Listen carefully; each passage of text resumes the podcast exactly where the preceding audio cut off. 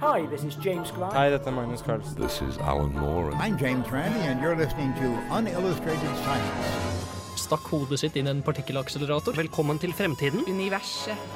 Spørsmålet er egentlig kan du få mennesker inn i? Forskningsnytt. Ta parallellkoble en del Jo, meloder. eneste som er ja, Uansett, vi går videre. Kjekksølv. Uillustrert vitenskap.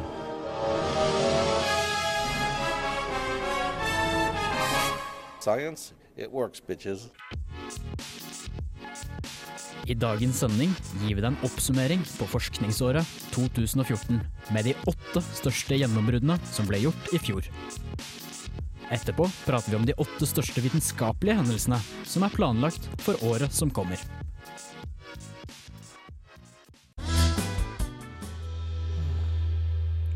Hei og velkommen til denne ukas sending av Uillustrert vitenskap. En liten spesial egentlig, siden vi skal oppsummere forskningsåret 2014 og fortelle dere hva dere skal se opp for det neste året som kommer. Også litt spesial fordi det bare er deg og meg i studio. Ja, for nå skulle jeg komme og presentere de som var i studio. Eh, Jeg heter Hogne, og med meg i dag så har jeg bare Agnes. Bare meg. Ja, men eh, jeg tror det skal bli en bra sending for det. Eh, skal vi begynne med en liten fun fact først, kanskje? Eh, vet du hvor, eller hvordan du kan finne ut om en ja, hva det heter det, kalkun er en hannkjønn eller hunnkjønn? Hvordan man kan finne ut det? Ja. Er det ikke bare samme måte som man alltid finner ut hvilket kjønn dyr har? Jo, det kan, ja, ja, du, du kan sikkert det òg, da. Men uh, å høre på den, da, for eksempel.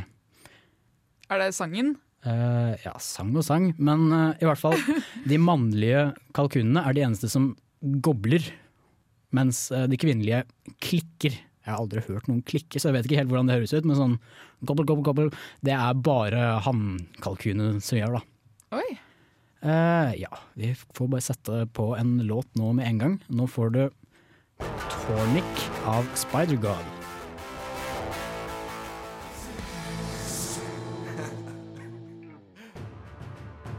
I løpet av 2014 ble det gjort mange store vitenskapelige funn innen mange forskjellige felter. Som en oppsummering på året har vi i Uillustrert vitenskap forsøkt å plukke ut de åtte gjennombruddene gjort i 2014 som vi mener har hatt størst betydning.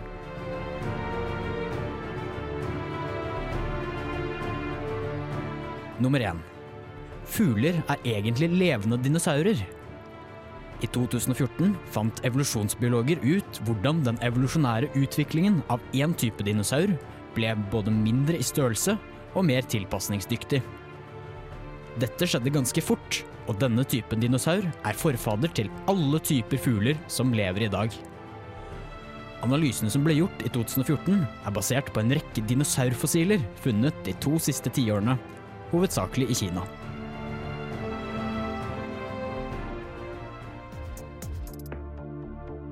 Nummer to. I 2014 fant forskere en måte å bekjempe gammel alder med ungt blod. De sammenkoblet to mus sitt blodomløp. En ung mus og en eldre mus. Det viste seg at ungt blod har visse faktorer i seg som kan snu den biologiske klokken og reversere en del tegn på aldring. Nummer tre. Roboter kan også samarbeide som mennesker. I en studie brukte forskere 1000 roboter, hver på størrelse med en femmer, for å samarbeide for å forme bokstaver og andre former. En annen studie, gjort i 2014 også, samarbeidet roboter inspirert av termitter med å bygge tredimensjonale strukturer. Nummer fire. I 2014 greide forskere å omgjøre stamceller til pankreatiske betaceller som kan produsere insulin. Det er disse cellene som mangler hos de som har type 1-diabetes. Og da de injiserte disse nye cellene i mus med type 1-diabetes, ble de kurert etter bare to uker. Dessverre kan de enda ikke transplanteres inn i menneskekroppen, fordi det autoimmune systemet til mennesker med type 1-diabetes avviser denne typen celler. Men vi er likevel mye nærmere en kur nå. Ja, der fikk du de fire første store gjennombruddene som ble gjort i fjor. Eh, Så kommer de fire neste litt senere. Eh, Men eh, dette her, det første jeg pratet om, det var dette her med at fugler det er egentlig levende dinosaurer. Og det har de visst. Men de har ikke helt visst hvordan den evolusjonære utviklingen har skjedd, og det vet de mye mer om nå, nå da, for eksempel. Ja, fordi det som jeg lurer litt på, er jo at eh, hvis man tenker på fugler og tenker på dinosaurer, som man jo aldri har møtt, men som man kanskje har et slags inntrykk av hvordan eh, muligens har sett ut, da, så lurer jeg på hva var egentlig funksjonene til fjær? Fordi dinosaurer har jo ikke fjær, så vidt jeg vet. Nei, så, og det er jo det med fjær også, at man kan ikke bare hoppe fra ikke ha fjær til å ha fjær som man faktisk kan fly med, da, for det krever veldig store fjær og veldig, ja, vinger og alt mulig annet rart. Så de må ha hatt en liten sånn funksjon først. da. Og det, er da vært, det har da vært eh, f.eks. isolasjon, for det varmer jo med fjær. Og det har vært litt sånn der, for utstilling òg, eller sånn der, prakt og liksom ja, litt sånn seksuell evolusjon. Da, at du ser litt vakrere ut med fjær. Det er litt sexy med fjær, altså. Ja. Og så mener du også at det kan ha noe med balanse å gjøre. Da. Det har jeg egentlig ikke helt uh, hvordan jeg vet hvordan det skjer, men det, det, hjelper med balansen da, å ha fjær. Jeg har ikke fjær, så jeg vet ikke hvordan det fungerer, men uh, ja. Ellers så ble også bein litt sånn mindre og veldig mye finere, fordi ja, fugler er jo mindre enn dinosaurer. Og denne her mindre kroppen var fordelaktig i begynnelsen da, fordi det var lettere å finne mat når du er mindre. Og det var også lettere å søke ly, da, fordi at du er mindre av størrelse. Men kan dette her funnet eh, bevise noe? At fugler kommer fra dinosaurer? Eh, ja, de er jo veldig, de er ganske sikre på at dette her eh, At det, det, har vært sånn. Eh, men de har bare blitt enda mer sikre i 2014, da, for dette er jo egentlig en sånn forskning. Dette er jo ikke noe som bare plutselig skjedde i 2014, at de fant ut at hm, vi har aldri tenkt på dette før, men kanskje fugler kom fra dinosaurer. Det har vært en veldig lang utvikling, men i år så er det liksom vært et gjennombrudd da, med hvordan denne her utviklingen kan ha skjedd. Så har de funnet ut veldig mye mer av det. da. Mm. Men du nevner også eh, i den andre saken din om eh, dette her med blod. da. Mm. Eh, og så lurer jeg bare på, hvordan har de egentlig undersøkt det her? Eh, de har jo, som jeg nevnte i den saken, så har de jo eh, tatt disse her musene og sammenkobla blodomløpet til eh, disse her to musene uten at jeg helt vet hvordan man gjør det. Men eh, de, de, har da sammenkobla det og sett at en del tegn ved aldring faktisk reverserte seg. Da. Så ungt blod er veldig veldig viktig for uh, uh, ja, å hindre at du eldes. Men selvfølgelig så klarte de ikke å hindre alle eldringstegn. da. Men de skal gjøre en veldig veldig viktig undersøkelse i år. Hvor de da skal gjøre en undersøkelse på Alzheimers pasienter. Og se om dette her unge blodet kan bidra til å hjelpe uh, mot denne her sykdommen, da, med den Alzheimers-sykdommen, og kanskje ja, forhindre at den utviklingen skjer så fort som den gjør i dag. Da. Kan dette her også være, eller bidra med på at man kan leve lenger? Jeg vil jo leve lenge. Jeg... Ja, det, det, tror jeg så absolutt, fordi det er jo det de har funnet ut, eller det de sjekket, da, at den reverserer en del tegn på aldring, men ikke alle sammen. Men dette her, kombinert med noen andre ting som finnes andre steder, så kan man jo til og med plutselig stoppe opp aldring, eller bli mye eldre enn det man ble tidligere. Alzheimers er jo også et tegn på at man blir eldre, og som man helst ikke vil at skal skje. da. Fett. Så hadde du denne her tredje saken med disse her robotene som kan samarbeide, som jeg syns er veldig kult. At yeah. de kan samarbeide. Uh, hvor de da bare var på en størrelse med en femmer, og så er det veldig veldig mange. da. Og det finnes noen sånne kule filmer hvor du kan se at de bare beveger seg. De beveger seg veldig sakte, da, men de kan liksom forme bokstaver. Og de samarbeider. da. De må liksom se at her er alle robotene rundt meg, og nå trengs jeg her for å forme den én vi skal lage. Og så samarbeide sånn, da. Og ja, dette her kan de da gjøre helt uten hjelp fra mennesker, og det er det som er det veldig utfordrende. For det å få disse til å stelle seg der de skal, det er ikke så vanskelig.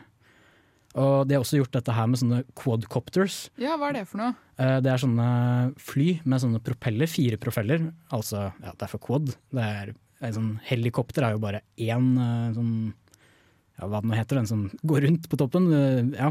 Mens du har fire da, i sånne quadcopters.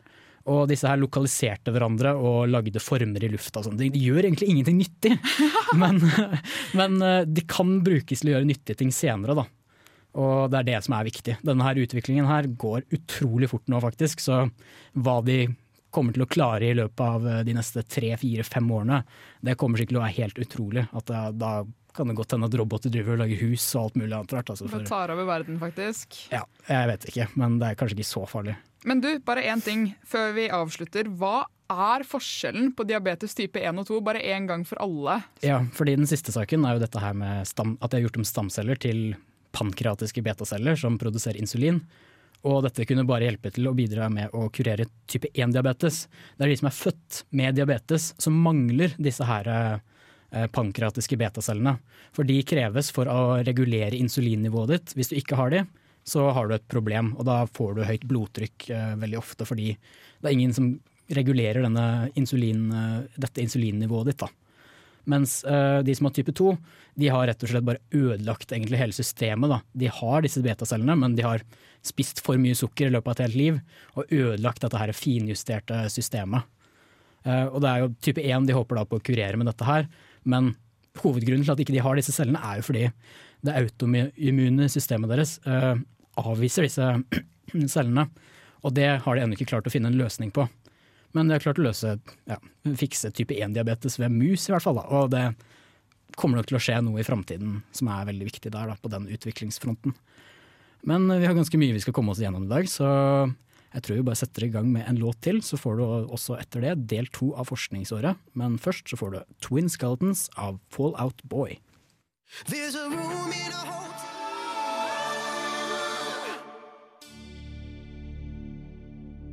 Nummer fem. Fram til i fjor trodde forskere at Europa hadde de eldste helleristningene med symbolsk kunst. Men i 2014 fant forskere ut at helleristninger i Indonesia, som de trodde var 10 000 år gamle, sannsynligvis er nærmere 40 000 år gamle. Dette må bety at mennesker i Indonesia og Europa omtrent på samme tid oppdaget helleristningskunsten, helt uavhengig av hverandre.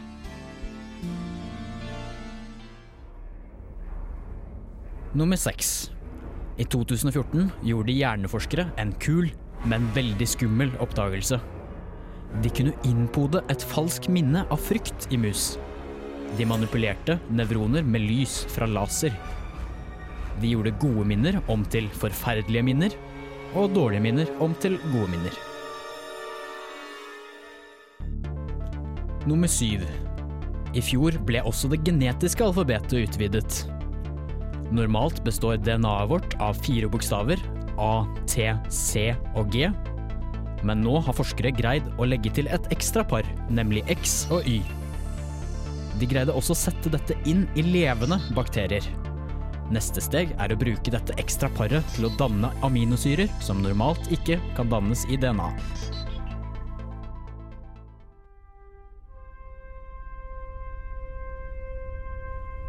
Nummer åtte. Helt til slutt en nyhet som vi allerede har pratet veldig mye om, men som fortsatt kanskje er det viktigste gjennombruddet i 2014. Nemlig kometlandingen. I august ble Rosetta første probe til å kretse en komet. Så i november ble den historisk igjen, da den slapp ut et lite landingsfartøy som landet på kometens overflate. Dessverre var ikke landingen fullstendig vellykket. Den spratt og landet et sted der den ikke kunne lade de soldrevne batteriene. Men den samlet likevel masse data de to ukene den holdt ut før batteriene gikk tomme. Resultatene kan gi oss mange svar på store spørsmål, som hvordan solsystemet vårt ble formet, og hvor alt vannet på jorda kommer fra.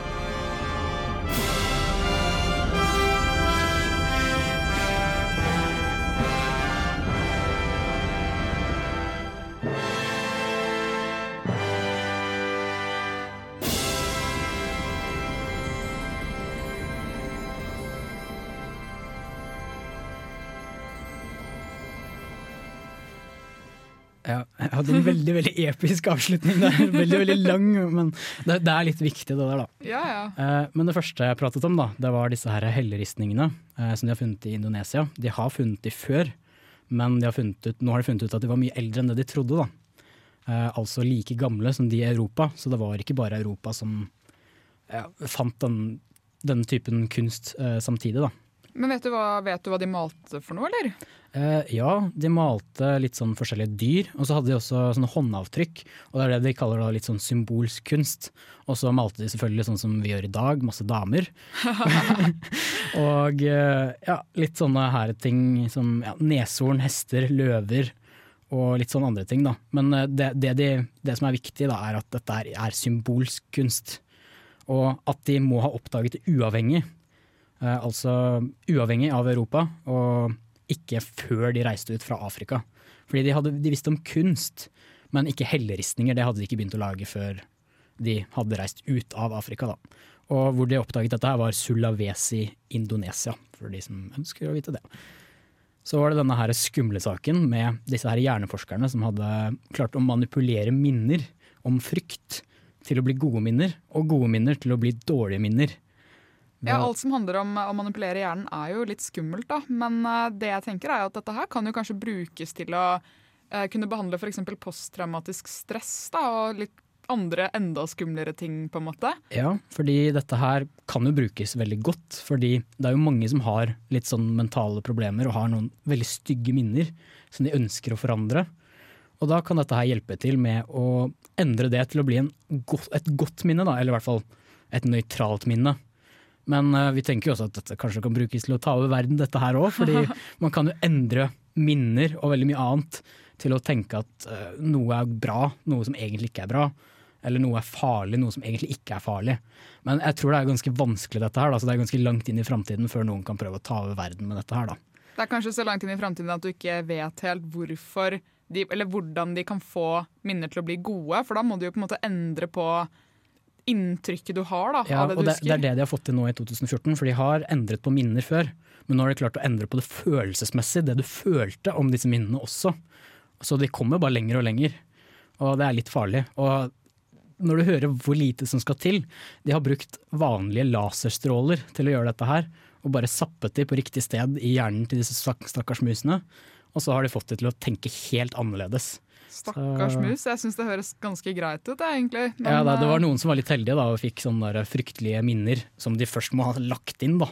Så det var litt slemme. Og så endret det til gode minner, men andre har jo hatt gode minner, og så har de endra det til forferdelige minner.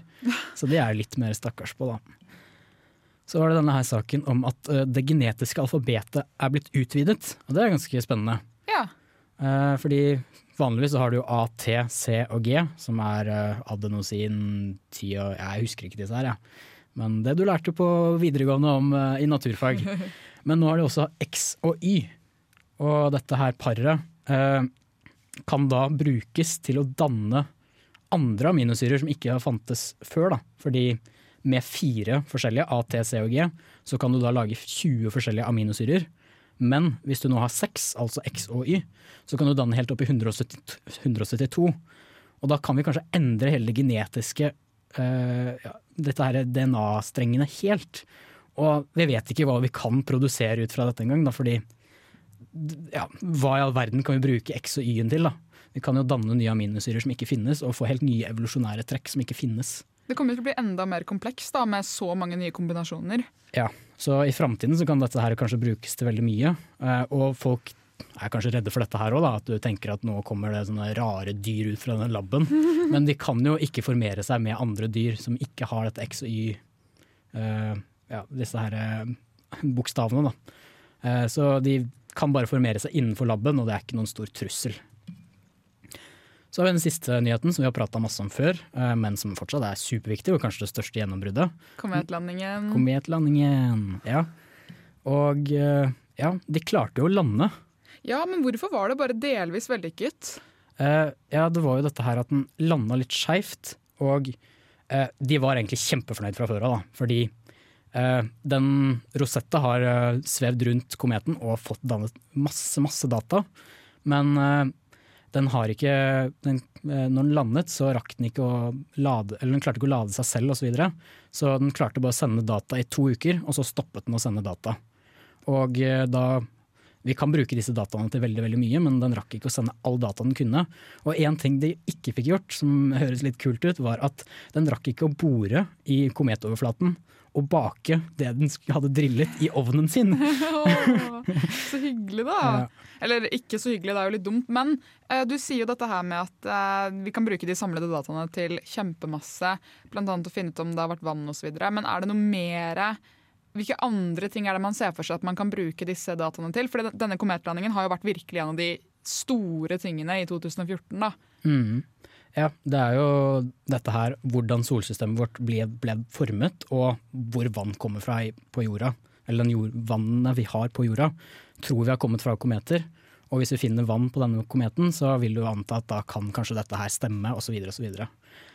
Eh, Så vil jeg bare avslutte med den Twitter-meldingen som eh, den der lille Philae, den der landingsfartøyet, sendte ut like før den eh, ladet ut. Den skrev 'Jeg føler meg litt trøtt. Fikk du all dataen min? Jeg tror, meg, jeg, tror jeg tar meg en liten blund'. Eh, Da tror jeg vi må sette i gang med litt musikk, før dere får vite hva som skjer i dette året, da. Nå får du Mr. Noah av Panda Bear.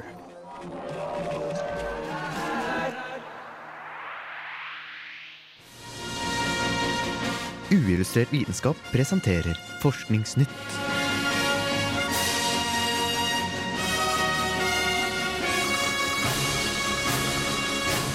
Forskningsnytt.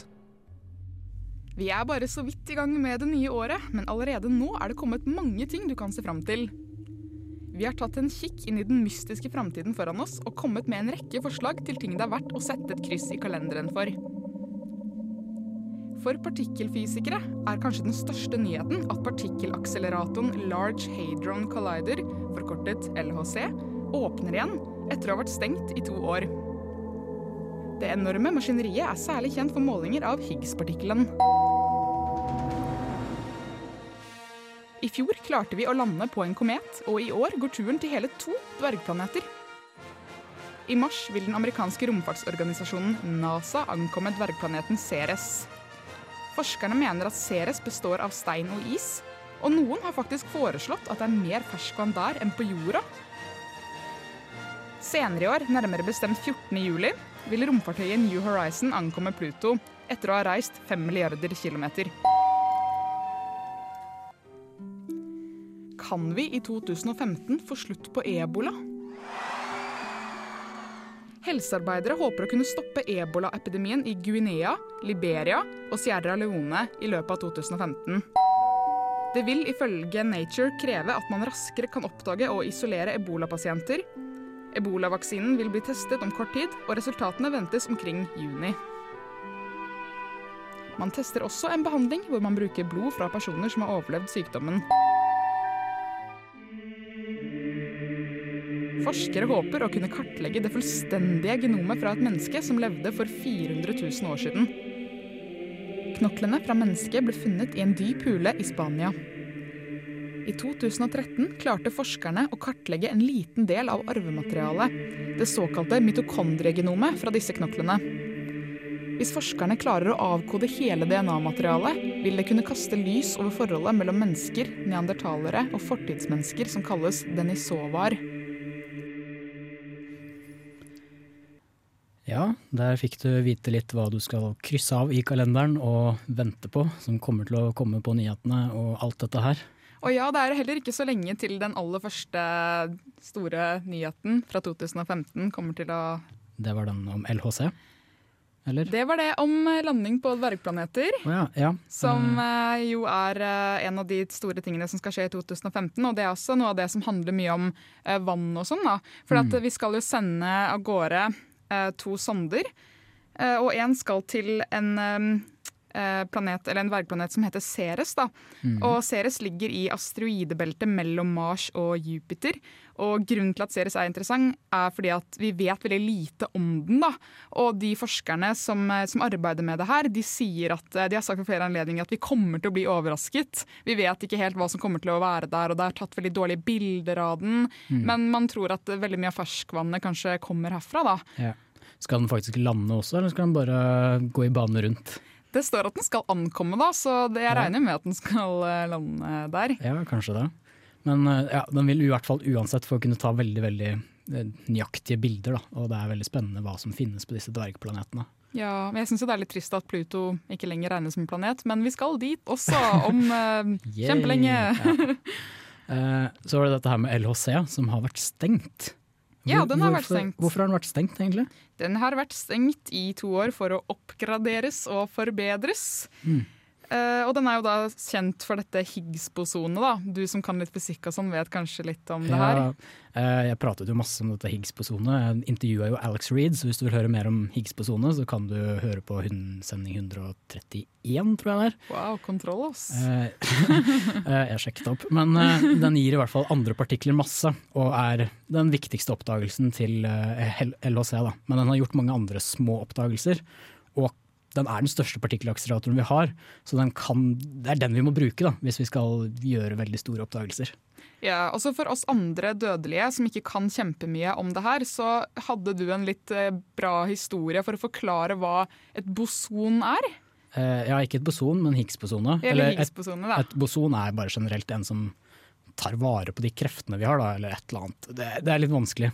Som følger Bose-Einstein-statistikk, som ikke gir noe mening. Men eh, Higgs-bosonet, ja, den forklaringen ga jeg også sending 131. Men eh, den gir på en måte masse til partikler ved at hvis du går inn i et rom, så vil eh, et, en partikkel med høy masse, hvis det f.eks. er Justin Bieber, så vil, vil da journalistene tiltrekkes av her, eh, denne partikkelen, fordi den har tyngde. Eh, mens hvis du er en ukjent person, så vil du kunne gå gjennom rommet uten at disse journalistene tiltrekker deg, da, fordi du er ikke kjent. Og det er litt sånn Det var sånn forskerne forklarte hvordan Higgs-posonet fungerte. Ja. Så hadde dette her med dette menneskegenomet for ja, et menneske for 400 år siden. Eller det var et gammelt menneske. Eller 40 000, ja. 40 Close enough. 40 000, ja. Eh, De hadde, skulle kartlegge genomet deres. Ja. Eh, og da var det jo snakk om en menneskeart som heter denisovar, da. Ja, hva er det for noe? Um, Det er en menneskeart, uh, og det som er spennende med det funnet her, er jo det at det kan bidra til diskusjonen om hvorvidt menneskene har utviklet seg på ett sted eller flere. Og det er jo også litt i nærheten av det du snakket om i stad, med at man på en måte er litt usikker på hvor de har utviklet seg. Da. Um, og dette kan jo også være svaret på en av mange gåter om, eh, om forfedrene våre. Da. Og Ja. det er jo det som er interessant å vite. på en måte hvordan vi har Det er jo en del av evolusjonsteorien vår, da, om det har vært liksom flere typer menneskearter og hvordan de har utviklet seg og sånn. Sånn neandertalere og disse der australiohepicus, eller jeg husker ikke. De, Ja. Disse her rare artene da, som eh, ikke er homo sapiens sapiens, som er det moderne mennesket, og homo sapiens. Ja. Men vi hadde veldig mange andre gjennombrudd som skjer i år, så vi kan jo høre på de. Men først så får du litt musikk. Nå får du 'Mellomrom' av Kjartan Gaulfossen. Vet meg når du kjenner meg.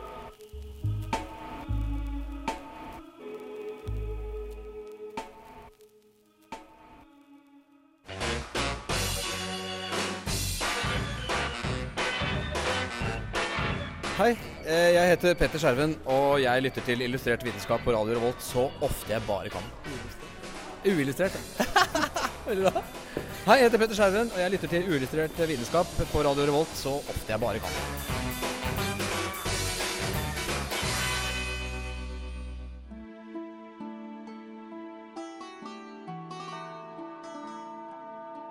Vil 2015 være året for en bindende klimaavtale? USA og Kina er de to landene som slipper ut mest CO2. I 2014 lovet de å redusere utslippene sine. Det kan kanskje bane vei for en ny og bindende klimaavtale ved et FN-møte i Paris i desember 2015.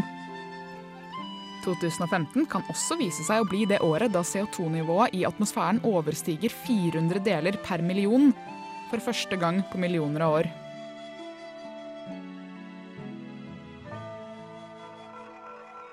En rekke farmasøytiske bedrifter arbeider nå med en ny klasse av kolesterollegemidler, og noen av dem forventes å komme på markedet i 2015. De nye legemidlene går etter et spesielt protein, PCSK9, som reduserer nivået av LDL-kolesterol, kjent som det dårlige kolesterolet.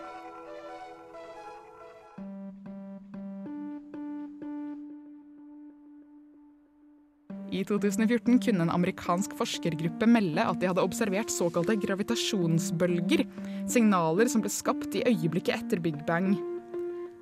Andre forskere har imidlertid vært skeptiske til funnet. Jakten etter gravitasjonsbølger fortsetter i år, 2015, med nye verktøy.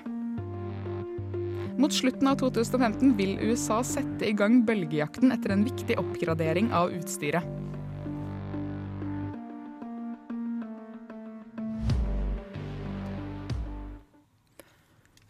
Der fikk du de tre siste gjennombruddene som kommer til å skje i 2015, som vi gleder oss masse til. Vi gleder oss kjempemye. Kanskje ikke til absolutt alt, men eh, i hvert fall sånn det med klimaet, da. For det er jo på en måte litt sånn Litt trist og litt sånn Men jeg håper jo på en måte at det kanskje gjør at folk får litt øynene åpne for eh, Ja. eh, problematikken vi Der, der er det kanskje litt mer spenning, da, for de skal jo prøve å få til en klimaavtale i 2015. Mm. Så håper vi at den er litt mer bindende da, enn det de har vært tidligere. Fordi land har jo ikke vært enige. Kina har skyldt på Vesten, og Vesten har skyldt på Kina.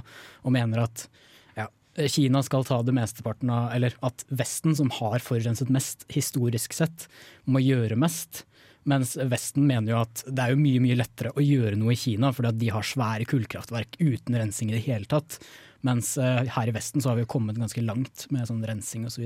Ja, nemlig. Det er nettopp det som er. Og man tror kanskje at eh, 2015 blir det året da eh, CO2-nivået når eh, 400 parts per million, da, eh, Mm. som er et sinnssykt høyt tall. Og det har jo ikke vært så høyt på veldig mange millioner år.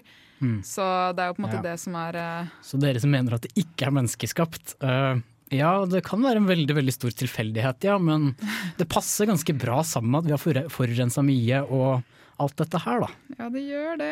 Ja. eh, det er liksom litt, eh, litt kjipe greier, så vi kan jo kanskje bare mm, komme oss videre og liksom bort fra den eh, klimasaken og til dette en annen kjempekoselig ting, nemlig LDL-kolesterolet. LDL-kolesterol, hva er det for noe egentlig? Eh, det skal jeg fortelle deg. Eh, siden kolesterol nesten er helt uløselig i vann, sant? Mhm. så må det pakkes inn i noe som heter lipoproteinpartikler da, for å kunne transporteres rundt i kroppen. Eh, og de partiklene som inneholder mest kolesterol, er såkalte low density lipoprotein, som er dette dårlige kolesterolet, da, som er dårlig for hjerte og Ja, karsykdommer. da, vi hører mye om dårlige og bra kolesterol, for du skal ikke ha så mye av det dårlige, selvfølgelig. Nei, det sier vel kanskje seg selv. Ja. Eh, og så har du denne saken som jeg har pratet masse om før, men Ja. som vi egentlig ikke har nevnt eh, så mye senere. Dette med gravitasjonsbølger, og også da den kosmiske inflasjonen. At de fant jo et kjempefunn i fjor. Ja, du, du har jo sagt at du syns eh, at dette her er en av de største oppdagelsene ever. Ja. Uh, slik jeg har skjønt det, så er jo gravitasjonsbølger krumninger i spacetime. Ja. Ja. Er- Altså rom og tid, da. Ja. Og det er jo det som gir Eller det er jo, det er jo de som eh, fører til at vi har gravitasjon, da. Mm. Eh, og jeg prata masse om dette her i sending 130, tror jeg det var sjekka opp. 130 og 131 det er gravitasjonsbølger og alt dette her som vi prater om nå, og 131 er om Higgs-bosonene. Så hvis du vil vite mer om det, så kan du høre på de sendingene. Eh, og jeg prata masse om dette her, så jeg skal ikke gå så mye inn på det, og det er kjempeavansert. Fordi de, de detekterte dette her indirekte gjennom å se på polarisasjonsmønsteret i bakgrunnsstrålingen. Og det var sånn de fant ut at uh, gravitasjonsbølger må eksistere, og veldig kraftige beviser for den kosmiske inflasjonen. Jeg skal ikke gå inn på hva det er osv., for det rekker vi ikke. Men hvis du vil vite mer om det, så hør på 100, sending 130. Det som er viktig, er at senere har de funnet ut at disse dataene kanskje ikke er gode nok beviser. At det kan ha skjedd noe feil. Og eh, det er det de skal finne ut i 2015, da, og sjekke en gang for alle. Stemte virkelig dette her? Og de, jo ikke, de gjorde heller ikke dette på LHC, for den var jo stengt. Som vi, nå kommer alt sammen. Ja. Så det er gjort på en annen partikkelakselerator som er svakere og litt dårligere enn LHC. Eh, og eh, nå har du jo muligheten til å gjøre det på LHC, da. Og se om det faktisk hadde noe for seg, da, dette her med gravitasjonsbølger. For dette her kan eh, gi et svar på dette med multiversteorien. Ja, eh, teorien om alt og multiversteorier, og den kan gi veldig, veldig, veldig mange svar. Og det er derfor jeg mente at dette her var en av de største oppdagelsene noensinne, hvis det stemmer, da. Og de kommer garantert til å vinne en nobelpris, Ja. hvis det stemmer. Men eh, man skal være veldig veldig sikker på at dette her faktisk er sant før de deler ut nobelpriser. Så de vinner nok kanskje ikke denne her nobelprisen før om ti år, men eh, de kommer garantert til å vinne det hvis det viser seg å stemme. Ja, for det er jo veldig mye usikkerhet rundt det, men dette her kommer til å bli et sinnssykt spennende forskningsår med tanke på alt som skal Ja. oppdages. Vi har jo nevnt alle disse her tingene, og det er virkelig mye å glede seg til. Ja, jeg gleder meg allerede. Ja. Så se, ja, vi kommer sikkert til å prate om alt dette her når det skjer. Så det er bare å følge med, og ja, så får kanskje vi se om VG og litt andre aviser også følger med, men hør på oss for at vi gir, gir det litt mer dybde i dette her som har pratet om. Dette med gravitasjonsbølger eksempel, veldig, var det veldig, veldig dårlig informasjon om på VG osv. Men uh, vi begynner å nærme oss uh, slutten. Eh, ja, før vi avslutter helt, så skal du få litt mer musikk. Her kommer det. Scientists, scientists, please, looking for some order. Some order, please, with the eyes forward and the hands neatly folded and the pang of attention. Pi is exactly three. Uillustrert vitenskap. Ja, da gjenstod det bare å si ha det. Og en veldig veldig viktig ting til. Det går fortsatt an å søke og bli med her i programmet vårt. Vi er kjempeinteressert at du skal eh, bli med. Ja. Eh, Så da må du bare gå inn på samfunnet.no opptak og gå inn i radiojournalist. Du kan også være skrivende, for vi trenger en som skriver litt for dusken.no. Og da, da blir du også med å bidra på å finne temaer til våre sendinger. Og også få lov å prate hvis du ønsker det, da. Men det er ikke noe krav for den skrivende journalisten at du skal være med i programmet. Men det er absolutt anbefalt. Og vi trenger en til å bare prate. Så to stillinger det går an å søke på. Søk gjerne på begge to, så har du to, da har du to muligheter. Uh, ja, da er det vel bare å si farvel. Og vi ses vel neste uke, gjør vi ikke det? Det håper jeg, da. Ja. Uh, ja. Er, ja. Jeg har vært Togne, og med meg i dag så har jeg hatt Agnes. Hei, hei. Ha det bra. Og vi ses uh, neste uke.